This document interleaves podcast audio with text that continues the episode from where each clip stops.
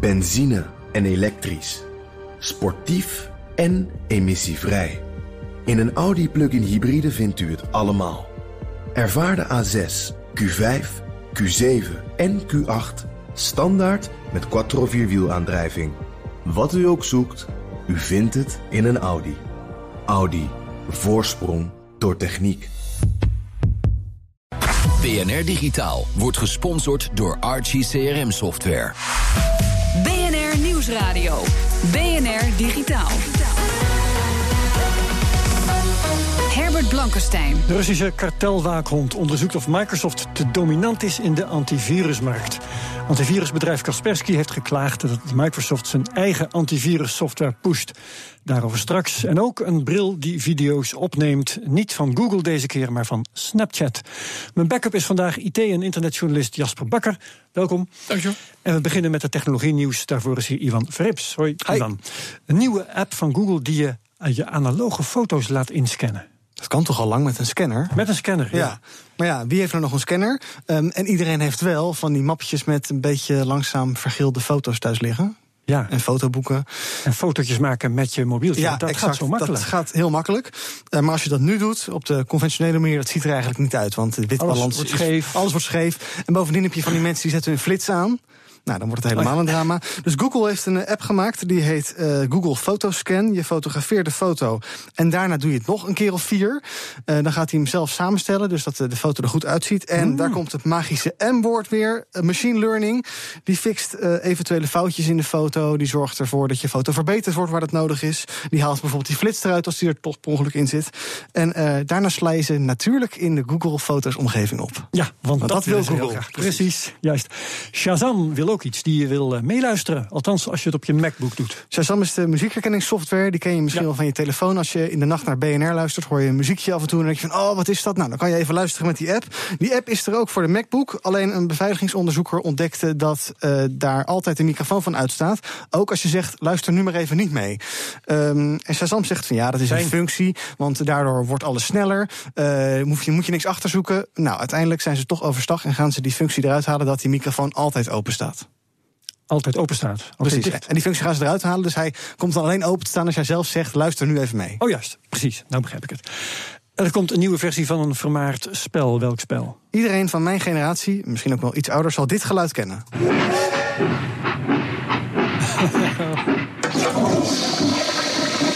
Nog even. Exact. Natuurlijk Rollercoaster Tycoon. Ik heb het uh, vele uren gespeeld. Uh, het spel is nog steeds actueel. Het wordt ook nog ontwikkeld. En binnenkort komt er weer een nieuwe versie uit. Rollercoaster Tycoon World. Um, die was er al in een soort van beta. Maar nu komt hij dus echt uit. Je betaalt uh, 35 euro voor de standaard editie. En 45 voor de deluxe editie. Waarbij je allerlei extra scenario's krijgt. Dus uh, jij begrijpt waarom ik komende kerst onbereikbaar ben. Ik uh, wens je heel veel plezier. Dankjewel. Dankjewel, Iwan. BNR Nieuwsradio. Digitaal. Eugene Kaspersky is de CEO van het Russische gelijknamige beveiligingsbedrijf. Eigenlijk heet hij natuurlijk Yevgeny. Die is boos op Microsoft. Kaspersky vindt dat Microsoft het, het antivirusbedrijf veel te moeilijk maakt om voet aan de grond te krijgen in Windows 10. En dat heeft allemaal te maken met Windows, zijn eigen Windows, Microsoft zijn eigen Windows Defender. Want die zit gewoon gratis in dat besturingssysteem. Daar ga ik over praten met Jan Terpstra, beveiligingsconsultant bij HP Enterprise. Hallo. Goedemiddag. Russische, Russische kartelwaakhond is die klacht van Kaspersky aan het onderzoeken. Uh, heeft Kaspersky een punt, vraag ik aan jou? Hij heeft wel een beetje een punt. Als je kijkt naar de wijze waarop uh, de defaults worden aangezet uh, op Windows, dan.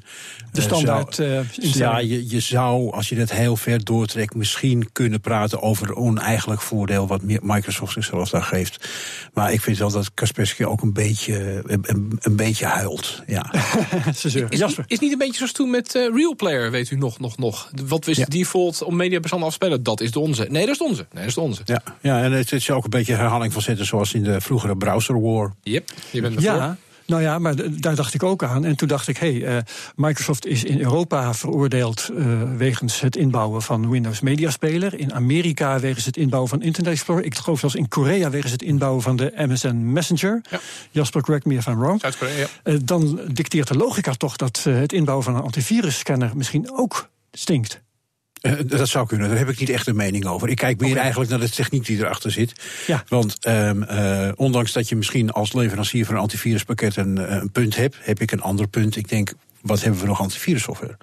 Hebben we dat nog nodig? Uh, als je kijkt naar de oude rommel die er nog rondwaart op internet, kun je niet, in principe niet zonder. Maar je ziet wel dat de beveiliging, hè, de, de, de ring of defense, steeds meer naar de periferie van de uh, automatiseringsinfrastructuur gaat. Waarom zou je wachten tot ellende op je werkstation terechtkomt als je het al bij de firewall of bij intrusion detection ja. of in je mails uh, server allemaal tegen kunt houden? Je, je zegt dus eigenlijk, dat hoor ik, um, je hebt een, een, een virusscanner zoals we die vroeger kenden ook alleen nog maar nodig voor de alleroudste virussen die nog rondslingeren. Ja, in, in, in zijn oude techniek. En, en dan moet ik met mijn eigen geloof een beetje geweld aan doen. Want ik ben een van de, van, van de eerste die met, zich met uh, antivirus bezig hield. Uh, uh, bijna 30 jaar geleden.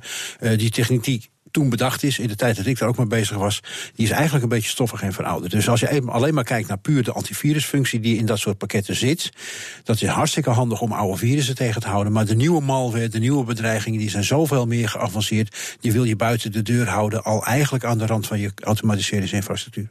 Ja. Dus, dus, eigenlijk is het een soort achterhoedegevecht, uh, zeg jij. Uh, lokale antivirus is niet meer zo relevant als het ooit was. Dus Microsoft doet nu iets wat eigenlijk de last line of defense is. En Kaspersky zou zich meer op de, het bredere plaatje moeten concentreren. Uh, ja, dat denk ik wel. En niet alleen Kaspersky, maar je ziet de hele beweging in de, in de, de cyberdefense... dat het steeds meer naar de periferie van de infrastructuur ja. gaat. En ik denk maar, maar dat, dat een goede stap is. Dat geldt toch ook voor de Kaspersky's en de F-Secures en de Nortons... en noem ze allemaal maar op. Die, ja. die gaan toch heel hard protesteren als wij hier zeggen... ze kijken alleen nog maar naar de handtekeningen van die virusjes. Ik zeg niet dat ze alleen kijken naar die, die, die handtekeningen, want ze doen veel meer. Ze sandboxen doen code-emulatie. Maar als je puur kijkt naar de ouderwetse uh, antivirusfuncties zoals wij die vroeger hebben gebouwd ja, die is alleen nog maar zinnig om die oude rommel tegen te houden. En datgene wat ze doen op werkstations voor de nieuwere technologie, daarvan vraag ik me af hoe zinnig is het om die op die werkstations te doen. Die zou je veel beter naar voren in de, uh, in de, de aanvalslijn kunnen zetten als eerste verdediging. Bijvoorbeeld rondom de firewall of je, je digitale wasstraat, hoe je die ook wil doen. Dat is bekeken vanuit de, de leveranciers. Als ik het nou even bekijk vanuit de consument, hè, dan vraag ik me natuurlijk af: moet ik dat ding aanzetten dat standaard in Windows zit, of moet ik een Kaspersky kopen of een van de vele concurrenten daarvan. Wat raad jij dan aan? Ik, ik heb er niet echt een mening over. Ik weet wel dat Defender niet altijd de meest actuele de, de, uh, verdediging is. Um, je vast proberen te houden aan de producten van één leverancier is sowieso misschien een verstandige keuze. Dus ik, ik zou er sowieso voor pleiten om zeker een antiviruspakket op je computer te installeren. Dat is zonder meer zinnig. Wat zeg jij daarvan, Jasper? Ik denk dat het een kwestie ook van, van, van timing is. Uh, en timing is everything. Uh, ik bedoel, van wie betrek jij je TCP-IP-stack eigenlijk? Ik heb geen flauw idee. Nee, precies. Dat zit erin ingebakken. Dat is toch hartstikke normaal. Daar hebben we het niet eens meer over. Ja. Dus misschien over vijf jaar zullen we vast een afspraak maken dat we het hier hebben over antivirus van Microsoft. Ja, natuurlijk. Of antivirus ja. of voorzieningen ingebakken in OS X. Er was trouwens een tijd, dat weet ik ook nog wel. Um, waarschijnlijk in de tijd dat, dat Jan zich met virussen begon bezig te houden. Dat gezegd werd: verdorie, dat onveilige Windows. Waarom zorgt Microsoft niet ja. uh, dat ja. de boel veilig is? En waarom moet ik een antiviruspakket uh, betalen? En, en, daarom heeft toen de tijd Gates ook het hele Trustworthy Computing initiatief uh, afgekondigd en in gang gezet. Omdat de onveiligheid van het platform bedreigde het hele platform. Ja. Het, ja. is, het, is, een beetje met elkaar in tegenspraak. Eerst roepen dat uh, Windows niet veilig is. En als het dan veilig wordt gemaakt, Klaar. dan zeuren dat, je mogelijk, dat het mogelijk zo is dat je dus uit de markt gedrukt wordt. terug bij zeurende Kaspersky. Uh, nou, ik ken Eugene al twintig jaar. En het is ja. niet echt een zeur. Maar ik zeg, hij heeft technologisch gesproken. En uit het oogpunt van de eindgebruiker zeker een punt. Eén uh, aspect dat niet in jouw vakgebied ligt, maar je wilt er vast wel iets van zeggen, het geopolitieke aspect. Kaspersky kiest voor een thuiswedstrijd. Hè. Ze gaan zeuren, tussen aanhalingstekens, bij de Russische autoriteiten. Maakt Microsoft als Amerikaans bedrijf daar dan wel een kans in de, in de huidige verhoudingen?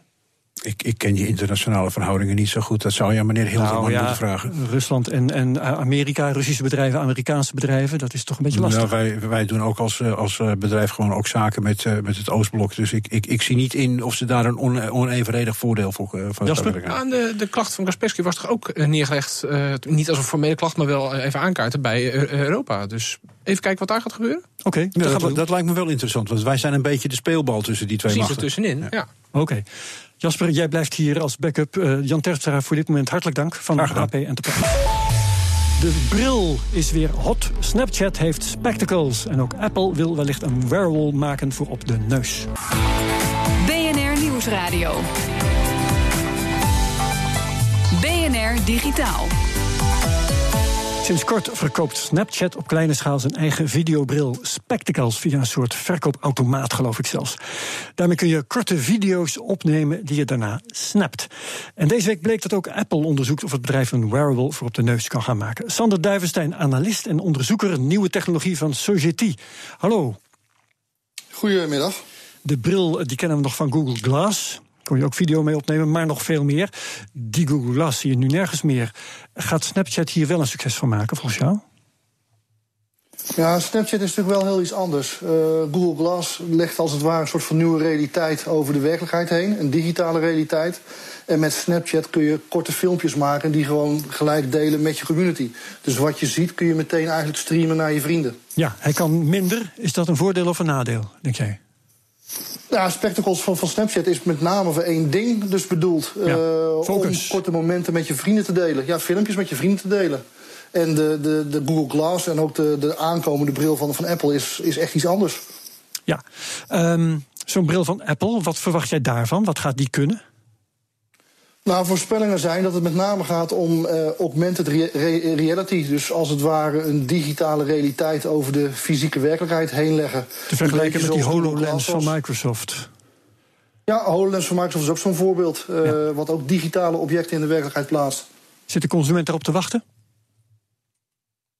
Ik denk het wel. Uh, er zijn nu geluiden dat uh, virtuele realiteit, augmented reality, de nieuwe transformatie in de IT-sector gaat uh, bewerkstelligen. Dus een andere manier van interacteren met digitale omgevingen. En dat is, zou dus een nieuwe cash cow kunnen worden voor bedrijven als Apple en Google. Ja, cash cow, daar zeg je zo wat. Die bril van Snapchat, Spectacles, gaat 130 dollar kosten. Is dat niet een beetje veel?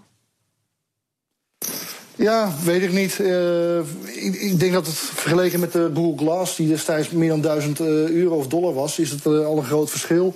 Dus wat meer, hij ligt, ligt, wat meer binnen handbereik van een normale consument. Vandaar dat ze hem via die automaten aanbieden. Dus er is wel, ik denk dat er wel een markt voor is. Ja, Jasper Bakker, wat denk jij? Nou, ik denk dat juist die taakgerichtheid, uh, foto maken, filmpje maken, delen en that's it. En dan 130 dollar is geen, ik heb het niet even op zak, maar het, het is voor veel mensen wel een soort impuls aankoop voor een gadget en hebben dingen. En ik denk dat het ook helpt om meer uh, acceptatie te brengen. In plaats van een ding van 1000 dollar wat van alles kan, maar waar ook privacykanten aan zitten of niet of wel. Gewoon, je maakt je foto's mee. Dat deed je al met je smartphone, maar nu maakt het makkelijker met je bril. Uh, en dat daarmee het veel meer in het straatbeeld komt. Net zoals het, het gedoodverfde Pokémon, de, de, de AR onder de brede aandacht heeft gebracht, is dit ook een manier om de ja. beweging verder te helpen, ja. denk ik. Sander Duivenstein, heb je hem al kunnen proberen eigenlijk? Nee, want ze hebben hier geen uh, verkoopapparaat in Nederland staan. Dus ik ben niet over de grens geweest, dus vandaar. Oké, okay, hij is nog in bestelling. Ik dank je wel voor je commentaar op de Snapchat Spectacle. Sander Duivenstein van Society. BNR Nieuwsradio. Digitaal. Herbert Blankenstein. Internetprovider Access for All maakt als eerste Nederlandse provider gebruik van DNS-SEC. Dat protocol moet identiteitsdiefstal lastiger maken. En het mooie is, de gewone gebruiker van internet hoeft er helemaal niks voor te doen. Ik ga erover doorpraten met Niels Huibrechts van Access for All. Hartelijk welkom. Dank je. DNS-SEC, spreek je dat eigenlijk goed uit? DNS-SEC, zeg ik. DNS-SEC, zeg jij ook. Domain Name System Security Extensions. Yes. Nou jij, wat, wat is het en hoe werkt het? Ja, dan moet ik kort uitleggen wat DNS zonder sec is. Ja. Um, als jij uh, in je browser intypt www.bnr.nl, ja. dan kijk je computer even waar moet ik eigenlijk heen? Op welke server, op welk adres is die website te vinden? Dat doet hij in DNS, het Domain Name System. Dat is de vertaling tussen domeinnamen en IP-adressen van servers. Dan zoek je dat IP-adres van die, die vier groepjes van drie cijfers. Precies, precies, precies. Op die manier weet je browser waar die heen moet. Daar zit een security probleem in, want als er nou een kwaadwillende hacker is die inbreekt op dat DNS en die kan daar een wijziging in aanbrengen, dan ga jij naar www.bnr bnr.nl. Althans, dat denk je, maar je wordt naar een ander IP-adres geleid. Ja, en die aanvallen zijn niet denkbeeldig, hè? Die dat is geen theorie. Nee, jaren geleden nee, al is, gebeurd, ook in Nederland. Dit is iets wat gebeurt. Moeten, uh, ja, dit, dit, is een, uh, een, een, tactiek die gebruikt wordt. Misschien niet bij bnr.nl, maar wel bij banken bijvoorbeeld. Want, uh, zeker als jij... als er gaat, nou voldoende motivering is. Precies, als jij, als jij gaat naar, naar de website van jouw internetbankieren... dan, voor, dan verwacht jij, dan vertrouw je er volledig op... dat je ook inderdaad op die ja. pagina terechtkomt. En, en waar je, je HTTPS, sleuteltje, dit en precies, dat. Precies, dan is nou, het hem echt. Precies. Nou, daar, die zwakke plek, om dat op te lossen, is DNSSEC bedacht. DNSSEC is heel simpel even, gezegd. Even tussendoor, mm -hmm. uh, dus HTTPS en dat sleuteltje is nog niet eens voldoende om het echt helemaal zeker te nee? Nee, als iemand kan inbreken op die DNS-server en daar een, uh, de, uh, kan rommelen in de informatie, dan bestaat de mogelijkheid dat jij gaat naar, eh, naar die website en je ziet het slotje en alles is helemaal netjes en toch zit je op een andere server. Dat, dat kan, ja. En dat heel vervelend. nu en dat vertrouwen is natuurlijk essentieel voor, voor het hele internet en al die zaken die we erop doen en al die webs- webshopbestellingen en internetbankieren en belastingaangifte en al die dingen waar hele gevoelige informatie over het internet gaan. Nou, om dat probleem op te lossen is DNSSEC, SEC voor Secure, eh, bedacht. En wat dat inhoudt is dat als jouw computer vraagt eh, naar welk IP-adres moet ik, dan checkt hij niet alleen dat IP-adres, maar vraagt hij even aan een derde instantie, aan een hogere instantie in de, in de, eh, in de lijn, zeg maar, of het antwoord klopt. Nou, in, in het geval van .nl domeinnamen is dat eh, SIDN, het bedrijf wat eh, de, dome- de .nl domeinnamen Ja, uitgeeft. ja. Die houdt bij of het allemaal klopt. Krijg je een soort van oké-stempeltje en dan pas ga je naar die website. En dan weet je helemaal zeker dat je daar eh, op, de, Klinkt, op een beetje als eh, zit. de, de two-factor authentication die je hebt als je banktransacties doet. En Ja, dat je nog even eh, Mee eens, maar met een, groot, krijgt. ja, met een groot verschil. Dat in, in- normaal in de two-factor authenticatie met je bank of andere partijen... moet jij zelf moet je dingetjes in zitten typen. Moet je dat Ja. op, je, op je smartphone of op een apparaatje. Het is allemaal gedoe. best overheen te komen, maar het is gedoe. En DNSSEC, daar merk je als gewone internetgebruiker helemaal niks van. Wordt geregeld door je internetprovider aan de ene kant... en de domeinnaamhouder aan de andere kant. Ja. Als het goed is, is daarmee voor jou... merk je niks van. Oké, dat klinkt eh, heel nuttig. Het klinkt ook eh, eerlijk gezegd niet als raketwetenschap. Je legt het nu vrij snel en vrij goed uit. Ja, het zit technisch net iets ingewikkelder in elkaar... dan hoe ik het nu vertel, maar dit is wel de essentie. jullie hebben dat nu aangezet. Heb ik twee vragen. Waarom hebben jullie dat nu pas aangezet? En waarom de hele rest zelfs nu nog niet?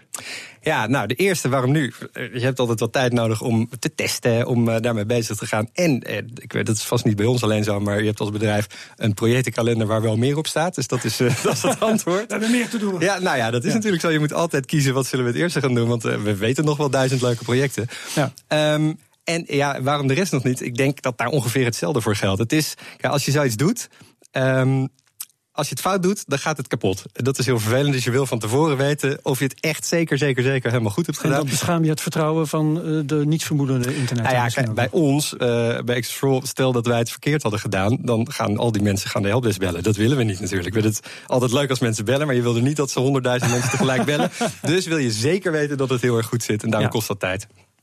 Oké, nou begrijp ik dat het niet voldoende is als jullie het aanzetten. Maar de websites waar het om gaat, die moeten ook nog meewerken. Die Ja. moeten ook nog wat doen. Er is werk aan de winkel ook aan de andere kant. Want als jij wil dat, eh, eh, dat jouw domein, jouw website beveiligd is via DNS, kan worden op die manier Precies, dan moet jij zorgen dat SDN weet wat het juiste website adres moet ook is. wat aanzetten.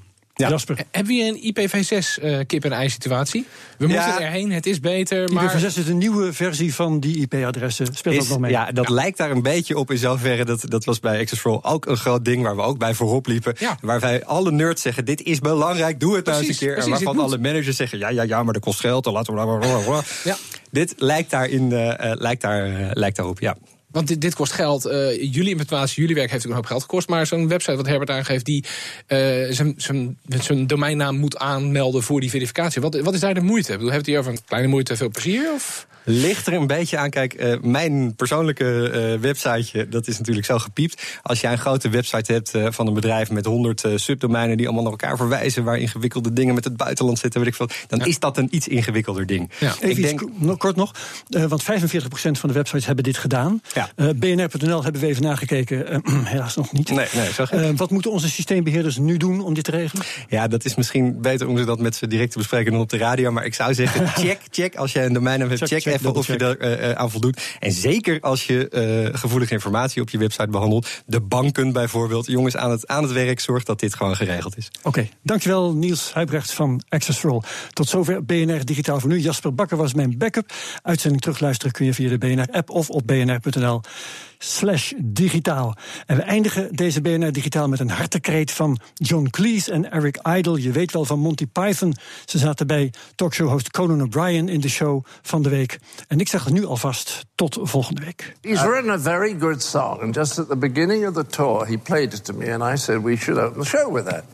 And we're going to sing it now because it's our joint experience. Yeah, it's about being on the road and On what we've road. learned. Here's a little song. It won't take very long. It's about the world today, and it's something we have to say. Selfies, all those gits who take selfies, they just get on my tits. when you're grinning like a lunatic for people you don't know, It takes them half an hour to get the bloody cameras go. And then another 14 other bloody people show. Selfies are a waste of bloody time. So take all those selfish selfie pricks. Next time they ask to take their bloody selfie sticks and shove them up their. Oh. Okay, very Thank nice. you very much. Digitaal wordt gesponsord door Archie CRM Software. Benzine en elektrisch. Sportief en emissievrij. In een Audi plug-in hybride vindt u het allemaal. Ervaar de A6, Q5, Q7 en Q8 standaard met quattro vierwielaandrijving. Wat u ook zoekt, u vindt het in een Audi. Audi. Voorsprong door techniek.